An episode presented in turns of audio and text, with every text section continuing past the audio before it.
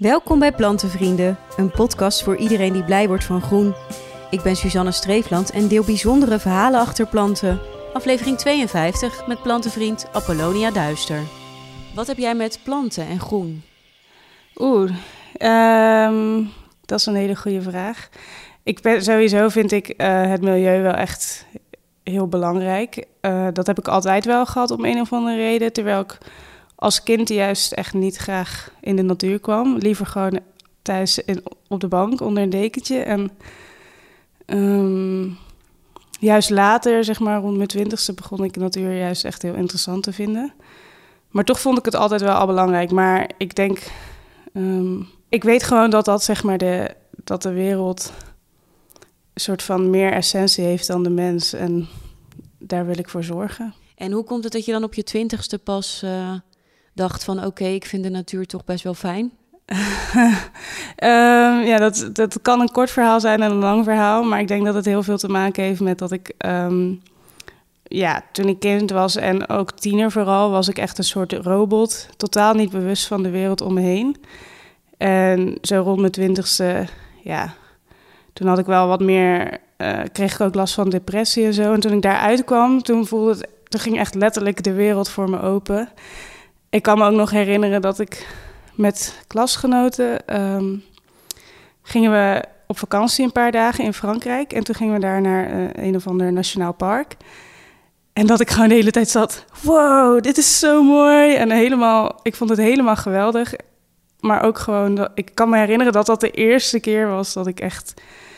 Uh, dat ik er echt zo erg van genoot. En sindsdien is het alleen maar groter geworden eigenlijk. Dus de natuur heeft jou eigenlijk letterlijk geopend? Een soort van... Ja, en dichter gebracht bij en de wereld, maar ook bij mezelf, denk ik. En meer bij gewoon wat ja, de essentie van het leven is. En dat is meer iets kleins dan zeg maar al het materiële wat we om ons heen hebben, denk ik. Als ik in de natuur ben, dat ik dan altijd echt helemaal rustig word en terugkom bij mezelf. En dan niet bezig ben met uh, bijvoorbeeld met mijn studie of met werk of met, met dingen waar je in je hoofd mee gaat zitten. Maar als je in de natuur bent, dan kan je alleen maar in de natuur zijn. Dus dan, dan ben je meer.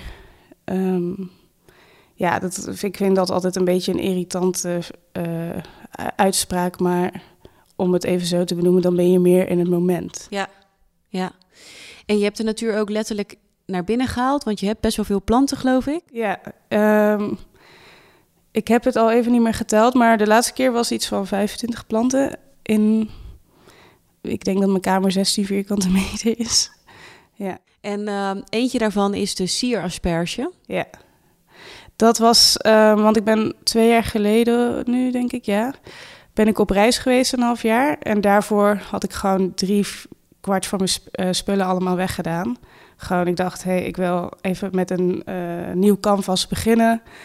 Bovendien wist ik niet zeker of ik nogal terug zou komen. Ik ben gewoon, ik had alleen een heen-ticket geboekt en ik dacht, ik zie wel.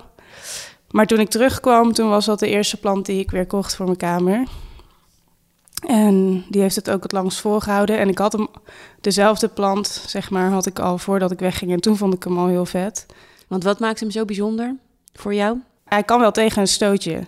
Zeg maar, ik ben niet... Ik, ik heb zeg maar fases waarin ik het leuk vind om, om echt veel voor mijn planten te zorgen. En andere fases verwaarloos ik ze wat meer tussen haakjes. Maar dat, ik denk dat dat ook wel goed is, want je moet je planten gewoon niet te veel water geven. Dat, wat nummer één fout is bij mensen die voor kamerplanten zorgen. Maar soms ben ik wel iets luier. En die plant, die hoort gewoon bij hoe ik voor planten zorg, want die overleeft het altijd. En hij groeit echt als een speer. Dus ja. En hij ziet er een beetje uit als, ja, ik vind het een beetje mosachtig of zo, qua bladstructuur. Of hoe moet je dat ja, omschrijven? Mm, of als venkel misschien, als die wat uit venkel komt. Uh, dat, daar vind ik het ook wel op lijken. Het zijn een beetje van die sprietjes. Varens ook een beetje achtig, hè? Een beetje, ja, ja. En ik vind sowieso hangplanten leuk, want dan worden ze heel lang... en dan voelt het net alsof je in een soort jungle woont. Um, ja, maar het maakt wel heel veel zooi, want over, als je eronder kijkt, daar liggen alleen maar van die sprietjes. Die, die vallen de hele tijd op de grond. Dat zijn stekjes of dat niet? Nee, dat is het jammer. Je kan hem niet, je kan niet gewoon een stukje afknippen en hem stekken. Er zitten, als je zeg maar uh, hem verpot, dan zie je ook dat de wortels zijn echt een soort. Um, daar zitten een soort knollen in. Dus daarom is het denk ik ook familie van de asperge. Want dat zouden dan misschien normaal asperges worden. Ik weet het niet hoor, want ik ben echt niet uh, een expert. Maar um, uh, om hem dus te stekken moet je hem letterlijk loshalen. Die knollen moet je loshalen van ja, dus elkaar. een beetje scheuren. Eigenlijk. Ja, maar vermenigvuldigt zichzelf. Dus hij wordt wel... Want toen ik hem kocht was, het, waar het, was, het, was hij best wel uh, dun, zeg maar, aan de bovenkant. Um, maar nu is het echt een hele volle plant. Heel die pot staat vol. Maar ik, moet er, ik denk altijd van, oh ja, dit, veel van mijn vriendinnen zeggen ook, ik vind dat een leuke plant. En dan denk ik, oh ja, die moet ik een keertje voor jullie uit elkaar halen. Maar het is toch weer zo'n werkje. Ja, is meer werk inderdaad. ja, maar je hebt wel stekjes meegenomen voor in de plantenbiep. Mm -hmm. Wat zijn dat voor stekjes? Ja, ik zal hem even uit het uh, bakje halen. Dit is een andere plant die ik echt heel leuk vind. En dat is de, uh, ik weet even niet meer zeker hoe die heet, maar van de... De monkey mask. Uh, ja, monkey, ja, ja, van de... Monstera. Monstera, zo. Hè? Ja, um, en die gooit ook heel snel. En dat is, ik vind het ook altijd heel leuk om bij een winkel of zo, of gewoon op, uh, in de Facebookgroep in Rotterdam, uh, een plant te halen die een beetje zieliger uitziet. En dan mijn project ervan te maken om juist door mijn verwaarlozing weer erop te bovenop te krijgen. Um, dus daarom heb ik deze meegenomen, want ik vind hem sowieso gewoon heel mooi eruit zien. En hij is makkelijk te stekken. Dus ja. dat is makkelijker dan de uh, sierasperge. Ja, want deze heeft gewoon een luchtwortel. Hè? En dan zet je hem in Precies. water en dan gaat hij wortelen. En dan kun je hem in de aarde zetten. En uh, volgens mij kun je hem ook al meteen in de aarde zetten. Maar de meeste mensen zetten hem eerst even op water. Ja. En waar hoop je dan dat deze terechtkomen?